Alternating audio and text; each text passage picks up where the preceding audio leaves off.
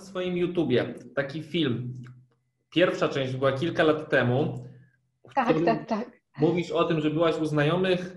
Przepraszam, jeżeli trochę tam zmienię tą historię, ale to e, jakby nie mam tutaj złych zamiarów, tylko chodzi o to, że byłaś u znajomych, poszłaś do chyba innego pomieszczenia i usłyszałaś, jak oni negatywnie o tobie mówią, i wtedy, kilka lat temu, to cię zabolało. A tak. to nie bolało. Yy, tak. Yy, oni wyrażali się, oni drwili ze mnie w taki dość szyderczy sposób. Wyśmiewali się ze mną, można powiedzieć. I oczywiście nie zdając sobie sprawy z tego, że ja to słyszę. Aha. I w pierwszej chwili poczułam się tak, jakby po prostu ktoś mi wbił nóż w plecy.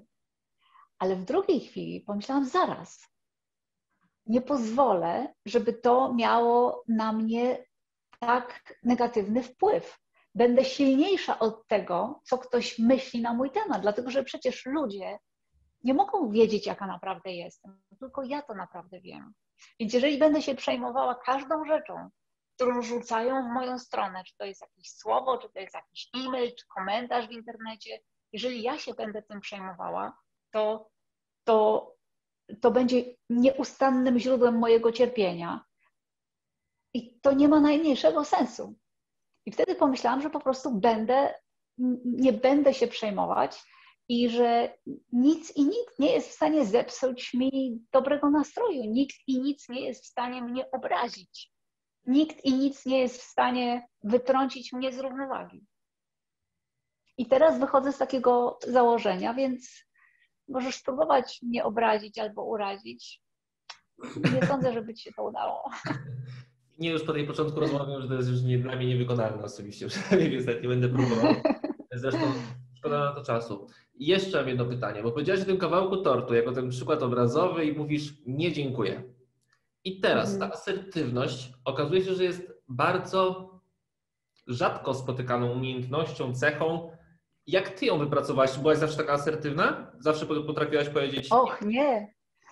Och nie, ja popełniałam absolutnie wszystkie błędy, o których teraz, które teraz y, y, uczę innych, żeby ich nie popełniali, ale dlatego wiem, w jaki sposób sobie z tym poradzić, dlatego że to wszystko ja kiedyś robiłam w przeszłości. Wszystko. Źle się odżywiałam, nie umiałam się porozumieć z moim partnerem, byłam w toksycznych relacjach, nienawidziłam samej siebie. Wszystko, wszystko, co utrudnia życie, to ja to wszystko zrobiłam wszystko to przerobiłam na własnej skórze i to dobrze, dlatego że teraz to wszystko rozumiem. Wiem skąd to się bierze. Umiem to wyjaśnić i samej sobie umiałam to wyjaśnić i umiałam znaleźć sposoby, żeby sobie z tym poradzić. To proszę powiedz mi, jak zacząć budować asertywność? Jak przestać mówić tak na wszystko, choć nie mam na coś ochoty? E, myślę, że najpierw musielibyśmy zdefiniować asertywność. Dlatego, że asertywność nie polega tylko na tym, że komuś odmawiam. Tak. Asertywność polega na tym, że szanuję drugiego człowieka. Uwaga. Szanuję to, że on może mieć inne zdanie od mojego. Szanuję to, że on może chcieć czegoś innego niż to, na czym mi zależy. Mam do niego życzliwe nastawienie, czyli kiedy zaczynam z kimś rozmawiać w asertywny sposób, to nie robię tego po to, żeby zmanipulować go życzliwością, po to, żeby on zrobił to, na czym mi zależy, tylko kiedy rozmawiam w prawdziwie asertywny sposób, z szacunkiem i życzliwością i z pozytywnym nastawieniem, to moim celem jest przedstawienie mojego stanowiska, wysłuchanie stanowiska drugiej osoby, i znalezienie takiego rozwiązania, które dla nas obojga będzie dobre. Czyli zakładam, że istnieje taka możliwość, że osoba, z którą rozmawiam, absolutnie się ze mną nie zgodzi i nie zrobi tego, na czym mi zależy, i akceptuję to, dlatego że szanuję prawo drugiego człowieka do tego, żeby miał własne zdanie, dlatego że kiedy daję innemu człowiekowi prawo do tego, żeby miał własne zdanie i kiedy, żeby żył po swojemu, to takie samo prawo ja mam. Ja mam prawo mieć własne zdanie. Ja mam prawo żyć po swojemu, więc nie mogę tego zabraniać komuś innemu. Więc jeżeli chodzi tylko o to w asertywnej rozmowie, żeby uświadomić sobie, że każdy człowiek jest inny, ludzie mogą mieć inne zdanie od mojego. Moje zdanie wcale nie jest najważniejsze i wcale niekoniecznie ja mam rację, nawet jeżeli mi się tak wydaje, dlatego że inny człowiek na tę samą sytuację może spojrzeć inaczej i w zupełnie inny sposób ją zinterpretować. Mhm. Nawet jeżeli ja jestem przekonana o tym, że, że gdyby ten człowiek zrobił coś, na czym mi tak bardzo zależy, to on by na tym bardzo dużo zyskał. Na przykład, gdyby przestał jeść niezdrowe jedzenie albo gdyby przestał palić papierosy. Mhm. To szacunek do innych ludzi polega na tym, oczywiście mówimy o dorosłych ludziach, szacunek do drugiego człowieka polega na tym, że ja szanuję to, że on idzie przez życie swoją własną drogą. Jest dorosły, jest odpowiedzialny za siebie i podejmuje takie decyzje, które z jego punktu widzenia w tym momencie są najlepsze. Więc kiedy wychodzisz z takiego założenia, to, to wtedy jesteś w stanie przeprowadzić asertywnie rozmowę i mhm. zaakceptować wynik tej rozmowy. Tak, i tutaj z tego, co już wynika, że ta asertywność jest bardzo mocno powiązana z szacunkiem po prostu do drugiego człowieka. A szacunek do drugiego człowieka jest bardzo, absolutnie, totalnie połączony z szacunkiem dla samej siebie i poczuciem, takim zdrowym poczuciem własnej wartości. Mhm. Tak, i teraz dążę do takiej sytuacji, właśnie też obrazując. Załóżmy, że mam ten kawałek tortu i załóżmy, że daje mi go moja ciocia. Załóżmy. I ja nie chcę jej sprawić przykrości i wezmę ten kawałek i zjem, ale potem jak ja go zjem, to ja mam do siebie wyrzuty sumienia, że ja ten kawałek zjadłem, choć miałem już go nie jeść. Czyli teoretycznie, żebym ja się czuł dobrze, to ja powinien powiedzieć nie dziękuję. I teraz. Yy, możesz powiedzieć, możesz powiedzieć, yy, kochana ciociu, uwielbiam Twoje wypieki, ale obiecałem sobie, że nie będę jadł słodyczy i bardzo zależy mi na tym, żeby dotrzymać słowa danego samemu sobie. Mam nadzieję, że to zrozumiesz. I teraz ciocia musi być asertywna i mnie zrozumieć. A jeżeli ciocia się obrazi, no to trudno. Nie masz wpływu na to, jakie ona ma emocje. Ty, ty byłeś uczciwy wobec samego siebie mhm. i uczciwie, asertywnie i życzliwie i z szacunkiem powiedziałeś jej, jakie jest Twoje stanowisko w tej sytuacji, ale na to, czy ona poczuje się urażona, czy nie, nie masz wpływu i ja myślę, że w takiej sytuacji najlepiej jest to po prostu puścić. Bo nie chodzi o to, żeby za wszelką cenę, za wszelką cenę, powiedziałam, za wszelką cenę zadowalać innych ludzi kosztem samego siebie. Czyli Jeżeli ja wychodzę z założenia, że jestem równie ważna jak inni, to moje potrzeby są równie ważne jak potrzeby innych osób. Czyli stawiać siebie na pierwszym miejscu, jednocześnie szanując innych, tak? Mogę tak podsumować? Stawiać siebie na równym, stawiać siebie na równym miejscu, mhm. a czasami myślę, że mogą być takie sytuacje, kiedy musisz postawić siebie na pierwszym miejscu. Na przykład w takich sytuacjach, jeżeli nie spotykasz się ze zrozumieniem. Na przykład gdybym była, gdybym została zaproszona na obiad i ja jestem weganką, ale załóżmy, że ludzie, którzy mnie zapraszają, wiedzą, że ja jestem weganką, ale nie rozumieją właściwie o co tutaj chodzi i przygotowali same mięsne dania. Mhm. To ja wtedy muszę postawić siebie na pierwszym miejscu i powiedzieć: Bardzo Was przepraszam. Widzę tutaj dwa cudownie wyglądające liście sałaty i ziemniaki. Życzę Wam smacznego. Wiem, że to jest jedzenie, które najbardziej lubicie. To jest jedzenie, które bardzo mi nie służy, więc ja skoncentruję się na tych dwóch liściach sałaty i na ziemniakach. Mam nadzieję, że nie będziecie mieli nic przeciwko temu. I nawet jeżeli będą mnie namawiali, i nawet jeżeli powiedzą, no ale jak to my tutaj cały tydzień gotowaliśmy dla ciebie, wyrządzisz nam ogromną przykrość, jeżeli nie spróbujesz tych dań, no to ja muszę z szacunku dla samej siebie odmówić, dlatego że ja jestem przekonana o tym, że gdybym zjadła to mięso, to by mi zaszkodziło. Więc mhm. chcę szanować moje ciało, więc odmówię i nie będę miała z tego powodu wyrzutów sumienia. I kiedy by było piękne, jakby tak wszyscy siebie rozumieli i próbowali zrozumieć przede mhm. wszystkim. Ale tylko chodzi o to, żeby chcieć. Dokładnie tak. To jest też naprawdę proste. Powiedziałaś, trochę nawiążę do Twojej prywaty, powiedziałaś, że byłaś w toksycznych związkach. I teraz nie wiem, czy to jest prawda. Czytałem gdzieś tam w kilku miejscach, że teraz jeszcze na skutek pandemii dużo więcej związków się rozstaje, albo dużo bardziej pogorszyła się relacja w związkach. I bardzo często się mówi, że już dany związek utrzymuje kredyt albo już tylko dziecko, a między tymi ludźmi już nie ma żadnej chemii. Co ty byś radziła takim osobom zrobić? Ja wiem, że to są trudne pytania. Nie, nie, to nie są trudne pytania. To są bardzo proste pytania. Bo zobacz, Dlaczego ludzie są nieszczęśliwi w związku?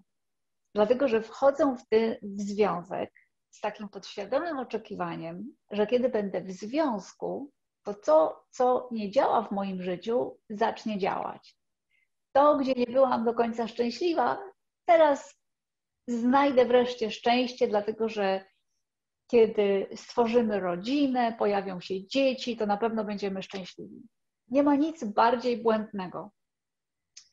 Szczęśliwy związek mogą stworzyć tylko dwie szczęśliwe osoby. I tutaj wracamy do początku naszej rozmowy.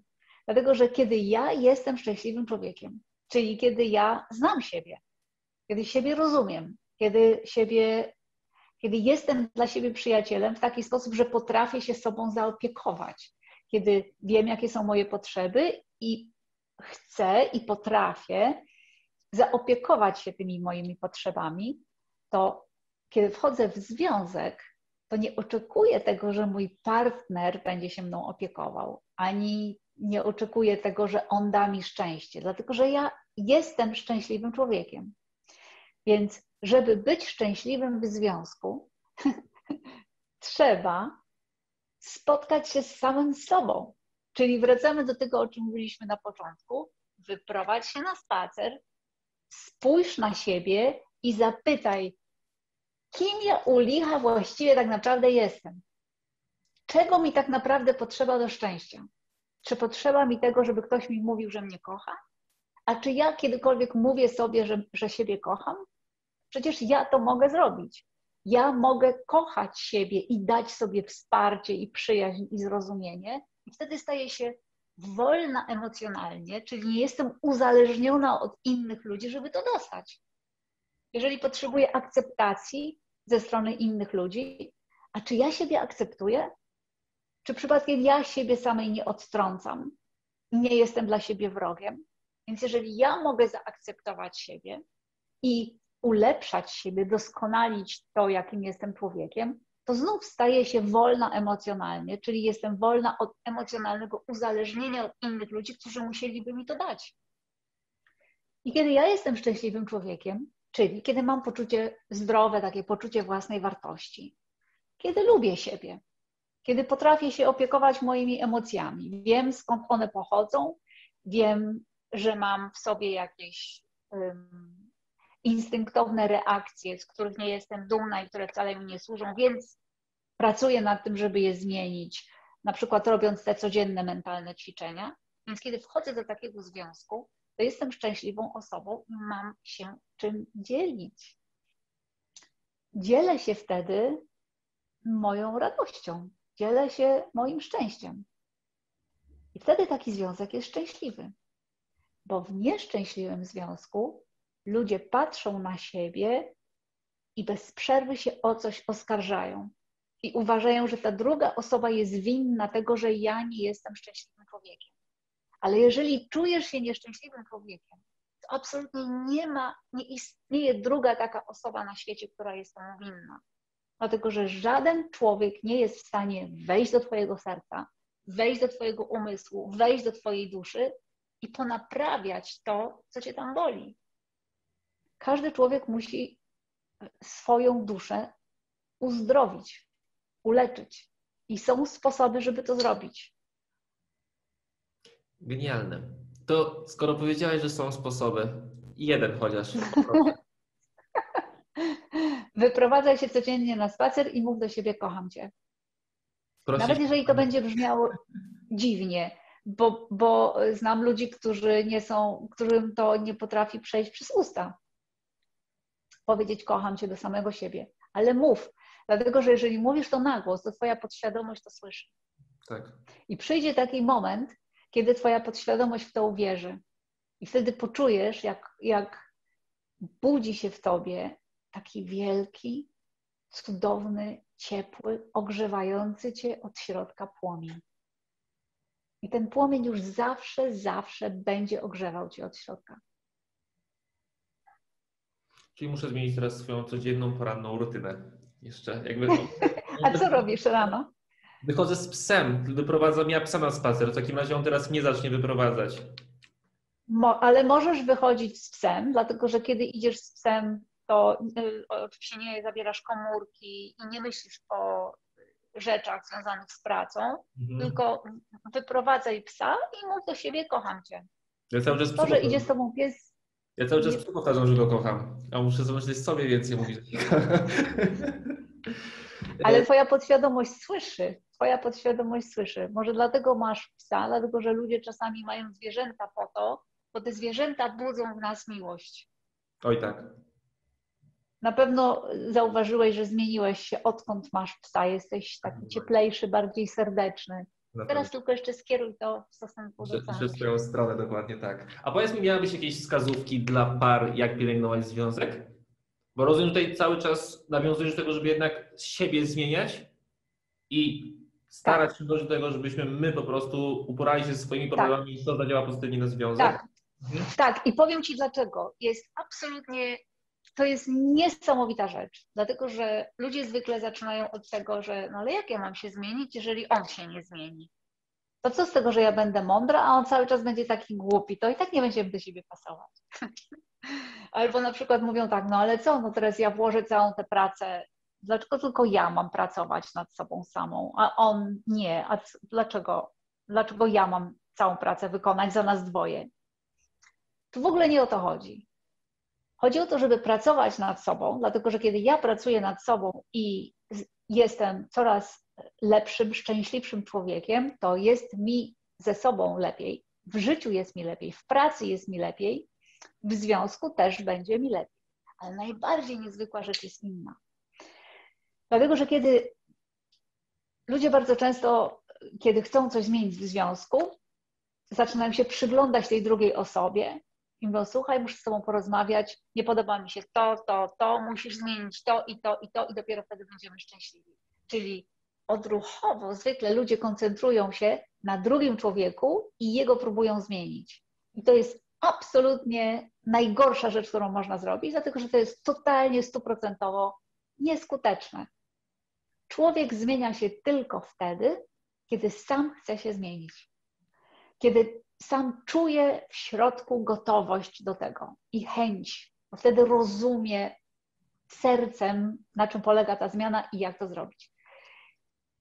Więc kiedy załóżmy, że jestem w związku z kimś, z kim nie jestem szczęśliwa, załóżmy, że ten ktoś, nie wiem, powiedzmy, że pali papierosy, niezdrowo się odżywia, więc robi rzeczy, z którymi ja się nie zgadzam, które mi bardzo przeszkadzają. Mhm. I teraz, jeżeli zacznę od tego, żeby powiedzieć mu, słuchaj, ja nie mogę z tobą być, bo ty palisz papierosy, nie mogę z tobą być, bo ty przeklinasz, albo robisz jeszcze inne rzeczy. Musisz się zmienić. To ten człowiek nigdy się nie zmieni, tylko raczej poczuje się nieakceptowany, poczuje się niekochany, straci poczucie bezpieczeństwa i tym trudniej będzie mu cokolwiek zrobić ze swoim życiem. Więc zamiast koncentrować się na nim, ja się koncentruję nad sobą, na sobie. Czyli ja zastanawiam się, dlaczego przeszkadza mi to, że on przeklina. W jaki sposób mogłabym w taki sposób przeorganizować moje życie, żeby uniknąć tego, co mi przeszkadza w nim. I zaczynam pracować nad sobą. Zaczynam zmieniać różne moje wady na zalety. Zaczynam pracować nad tym, żeby pozbyć się jakichś słabości. I w momencie, kiedy ja zaczynam pracować nad sobą uczciwie, nie po to, żeby coś zmanipulować, tylko ja chcę być, to jest mój życiowy cel, chcę być lepszym człowiekiem, silniejszym, odważniejszym, szczęśliwszym. To jest mój cel. Ja się na tym koncentruję. To dzieje się absolutnie niesamowita i magiczna rzecz, dlatego że kiedy ja przestaję zajmować się tym, co robi ten drugi człowiek, zajmuję się moim życiem z pasją i z pełnym przekonaniem, pod wpływem tej mojej pasji i tego mojego przekonania, ten drugi człowiek sam zaczyna się zmieniać. I to działa zarówno w związku między dwiema osobami, to działa też w rodzinie. Mhm. I mam 100 tysięcy dowodów na to, że to działa. I to działa nie dlatego, że ja staram się wywrzeć na nich jakiś wpływ, tylko wprost przeciwnie. Mówię wtedy, nie mam wpływu na to, jakie decyzje podejmują na przykład moi rodzice, albo moje rodzeństwo, albo moi krewni, albo mój partner i przestaję się tym zajmować. To jest jego życie, jego odpowiedzialność, jego karma, cokolwiek. Zajmuję się sobą, dlatego że ja chcę być silna i nie chcę spędzać mojego życia zastanawiając się na tym, jak mogę kogoś uratować od nieszczęścia. Raczej skupiam się na tym, co mogę zrobić takiego, co polepszy moje życie tu i teraz. Kiedy ja wychodzę z takiego założenia, to w jakiś magiczny sposób to się po prostu udziela ludziom, którzy są dookoła mnie. Oni po prostu sami z siebie zaczynają się zmieniać. Wtedy, kiedy ja przestaję naciskać, wtedy, kiedy zaczynam się koncentrować na sobie. Czyli inspirujesz innych i oni widząc to, co ty robisz widzą, że to jest fajne i że mi się to podoba, to też automatycznie to zaczynają to robić. Też, ale myślę, że to też jest taki jakiś mechanizm na poziomie y, nieuświadomionym. Mhm. Że po prostu jak budujesz w sobie płomień i światło, to ten płomień i to światło udziela się innym, ogrzewa innych. I wtedy oni sami czują, chciałbym coś zmienić. Nie dlatego, że chcą zrobić to, co ty, tylko dlatego, że po prostu wpadają wtedy na taki sam pomysł. Powiedziałem zresztą niedawno, że czuć od Ciebie tą energię, więc dokładnie wiem, o czym mówisz. Powiedz mi, oglądałem Twojego Instagrama, tam jest 100% pozytywizmu. Jak powie, powiedz mi, jak to robić, gdy ktoś widzi tylko szklankę, że jest pusta, a nie do połowy pełna? Jak, jak zmienić postrzeganie osoby z czarnego scenariusza na to, żeby zaczęła jednak ta osoba widzieć świat w kolorowych barwach? Bo u Ciebie jest bardzo kolorowo. Nie da się zmienić. E, Tak, ale y, dlatego, że ja tylko pokazuję to, w jaki sposób ja żyję. Bo ja na co dzień staram się myśleć pozytywnie i zawsze, w każdej sytuacji, tak to sobie wyćwiczyłam, że teraz jestem w stanie znaleźć dobrą stronę. Więc ja tylko pokazuję to, co robię, dlatego że wiem, że nie można zmienić drugiego człowieka. I nie możesz pójść do niego i powiedzieć, słuchaj, no tak myślisz negatywnie, to na pewno jest ci smutno. Jakbyś zmienił swój sposób myślenia, byłoby ci dużo łatwiej. Bo jeżeli w taki sposób do kogoś powiesz, to on będzie się czuł zagrożony, dlatego że jeżeli mówisz mu, słuchaj, to musisz zmienić, to znaczy, że nie akceptujesz go takim, jakim jest. Jeżeli go nie akceptujesz takim, jaki jest, to go nie kochasz. Więc zamiast mówić, co powinien zrobić, chodzi o to tylko, żeby być, żeby być i żeby swoim przykładem pokazywać, że to jest dobre, to jest przyjemne, to jest szczęśliwe, to jest mocne. I wtedy ludzie sami z siebie zaczynają chcieć iść w taką samą stronę. Mhm. No dobrze, a załóżmy, że słucha nas teraz osoba wieczorem, leży sobie już w łóżku, zaraz idzie spać i to jest osoba, która cały czas widzi wszystko właśnie w czarnych kolorach, wszystko widzi negatywnie. Jak taka osoba ma zacząć swoją zmianę, Twoim zdaniem?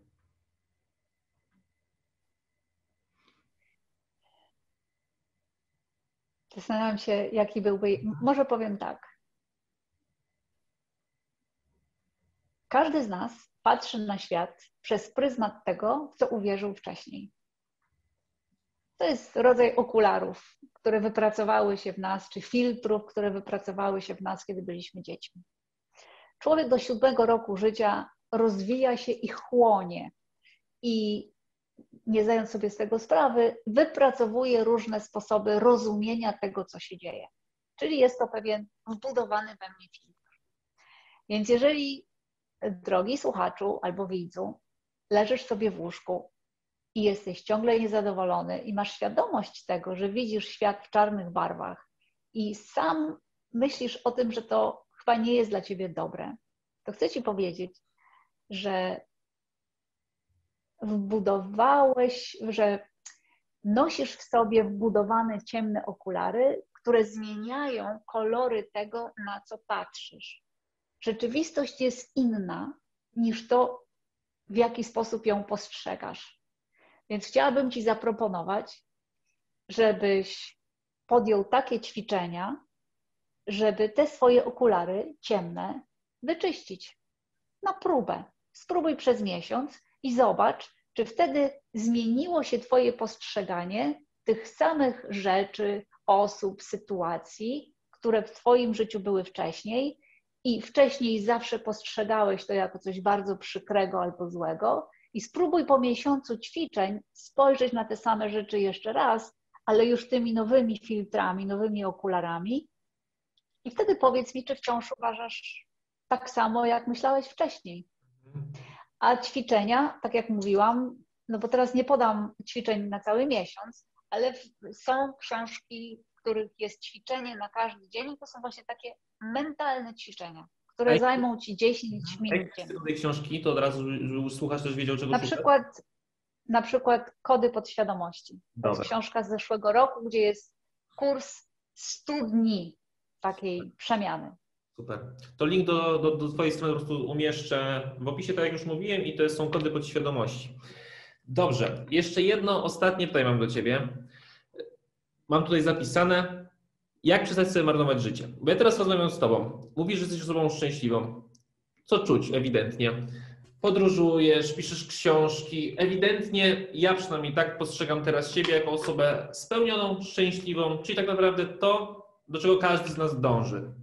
I teraz jak mamy osobę, która załóżmy ma, nie wiem, 20, 30, 40, 50, 60 i tak dalej lat i która teraz tego słucha, siedzi sobie i myśli sobie, kurczę, jestem totalnie nieszczęśliwa i totalnie niespełniona.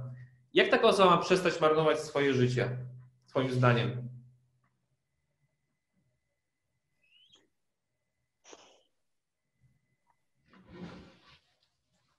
Na takim poziomie ogólności, tak no bo nie wiemy, dlaczego uważa, że marnuje sobie życie, tak? Na przykład marnuje sobie życie dlatego, że nie czuje, że ma w życiu cokolwiek takiego, co dawałoby jej spełnienie, mhm. co przynosiłoby szczęście. No to powiedziałabym, kochana dziewczyno albo kochany chłopaku, wyprowadź siebie rano na spacer i zapytać siebie, chłopie, o co ci tak naprawdę chodzi w życiu?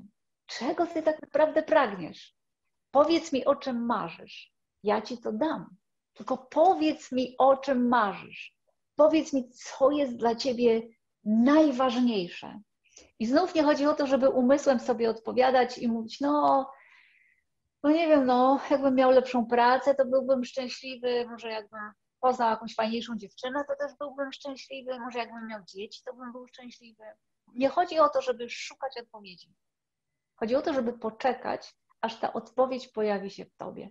I będziesz zdumiony, będziesz zdumiony tym, co usłyszysz. Dlatego, że najprawdopodobniej to poczucie takiego osamotnienia, wyobcowania, tego, że marnujesz swoje życie, najprawdopodobniej wywodzi się z tego, że jesteś sobie obcy, że nie wiesz, kim jesteś, bo nigdy siebie nie poznałeś. Więc myślę, że zacznij od tego, dlatego że kiedy siebie troszkę poznasz i kiedy zdejmiesz to wszystko, co robiłeś wcześniej dla innych ludzi i zdejmiesz z siebie to wszystko, co robiłeś, żeby zaspokoić innych ludzi i lepiej wypaść w oczach innych ludzi, to zobaczysz, może przypomnisz sobie rzeczy, które były dla ciebie ważne, kiedy byłeś nastolatkiem, dzieckiem, rzeczy, o których marzyłeś, kiedy byłeś dzieckiem i kiedy pragnąłeś ich całym sobą. I wtedy odszukasz tę pasję, bo ta pasja została po prostu przysypana tym wszystkim, co usiłowałeś zrobić dla innych, żeby mieć takie życie, jak wydaje się, że człowiek powinien prowadzić, że powinien pójść na studia, mieć dobrą pracę, założyć rodzinę, więc starałeś się urządzić swoje życie tak, żeby ono było szczęśliwe, tylko że używałeś sprawdzonych schematów, mhm. takich, które niekoniecznie pasują do ciebie. Więc mamy jeszcze czas? Mogę opowiedzieć jedną historię? Ja jestem bardzo ciekawy. Więc Był taki człowiek, który mieszkał w Stanach Zjednoczonych i codziennie chodził do pracy przez pole. I ta praca nie była jakąś jego specjalną pasją. Y, po pracy koledzy zwykle szli do baru na piwo albo żeby gdzieś porozmawiać, albo jakieś zawody sportowe, ale jakoś nawet próbował pójść tam raz czy dwa razy, ale tego w ogóle jakoś nie pociągało. Więc przestał z nimi chodzić. Po prostu szedł na piechotę przez to pole do domu. O każdej porze roku, i wiosną, i latem, i zimą. I pewnego dnia, kiedy szedł przez to pole, była zima i zaczął padać śnieg. I takie ogromne płatki śniegu zaczęły padać. I on wyciągnął rękę i na rękawicy zatrzymał mu się taki wielki płatek śniegu. I ten człowiek tak spojrzał, mówi, o ryty, jaki ten płatek śniegu jest piękny. I zobaczył obok inne płatki i mówi zaraz, wydaje się, że każdy z ten płatek śniegu jest inny. I tak go to zafascynowało, że zaczął kupować obiektywy coraz bardziej specjalistyczne. Sam konstruował e, obiektyw do aparatu fotograficznego, żeby móc sfotografować płatki śniegu i sprawdzić, czy naprawdę te płatki śniegu są inne. To jest prawdziwa historia. I ten człowiek stał się światowym ekspertem od płatków śniegu. Dlatego, że nikt wcześniej przed nim nie wpadł na pomysł, żeby sfotografować płatki śniegu. I to stało się jego pasją. Nie dlatego, że on sobie wymyślił pewnego dnia, będę fotografował płatki śniegu, ani nie dlatego, że ktoś inny to robił i on powiedział, to ja też będę to robił, tylko dlatego, że szedł przez pole, był spokojny, nie myślał o niczym, zauważył płatek śniegu, zwrócił na niego uwagę i to przebudziło w nim pasję. I tak jest właśnie w życiu. Nie chodzi o to, żeby szukać cały czas umysłem, tylko żeby czasem puścić wszystko i rozejrzeć się, co samo do mnie przychodzi. Czasem przychodzi z zewnątrz, jak ten płatek śniegu, a czasem przychodzi z wewnątrz, z, z dawno zapomnianych rzeczy, które kiedyś mnie pasjonowały, i one nagle budzą się, i nagle człowiek sobie przypomina, no przecież ja kiedyś marzyłem o tym, żeby pojechać do Japonii i nauczyć się japońskiego. Albo marzyłem o tym, żeby podróżować, albo marzyłem o tym, żeby malować, albo marzyłem o tym, żeby założyć firmę, która będzie robiła spadochrony. Nie wiem, co jeszcze. Ale nagle następuje takie olśnienie, następuje przebudzenie. To wtedy kiedy przestajesz za dużo myśleć, kiedy przestajesz kombinować, kiedy przestajesz używać umysłu, tylko po prostu otworzysz się na to, co jest i dasz szansę samemu sobie. Genialna, mądra, inspirująca rozmowa. Naprawdę jestem absolutnie pod wrażeniem. Czy coś jeszcze byś chciała na koniec zadać naszym widzom? Choć powiem szczerze, powiedziałaś tyle, że tak jak powiedziałem, ja e, kilka razy dopiero przesłałem sobie tą rozmowę. Życzę Wam cudownej wiosny, dlatego że wiosna jest czasem przebudzenia, więc kwitnijmy wszyscy tej wiosny. Dobrze, dobrze. Jeszcze raz bardzo Ci dziękuję że się zgodziłaś na tę rozmowę. Myślę, że. Bardzo dziękuję, oczywiście. Całą przyjemnością. E, myślę, że widzowie bardzo dużo z niej wyciągną. I jeszcze raz na koniec powiem, że link e, do Twojej strony umieszczę w opisie i tam będziecie mogli ponad 100 książek przejrzeć i też bardzo dużo z nich wyciągnąć. Mogę jeszcze coś powiedzieć? Tak, zdecydowanie. Y, jestem właśnie w trakcie pisania książki o szczęśliwych związkach. O. I ta książka ukaże się, to jest taki um, przewodnik po tym, jak być w szczęśliwym związku o. i jak sprawić, żeby związek był szczęśliwy. I ta książka jeszcze w tym roku się ukaże. A mniej więcej kiedy? Jakieś takie widełki? Jesienią. Jesienią, jesienią. Dobrze. Na pewno to będzie też jesienią ten wywiad z Tobą, tak, że na pewno wtedy jeszcze będzie już wtedy bardziej aktualny, być może wtedy tą książkę. Cudownie. Lata, bardzo jeszcze raz dziękuję. Dziękuję Ci bardzo za zaproszenie. Dziękuję, wszystkiego dobrego.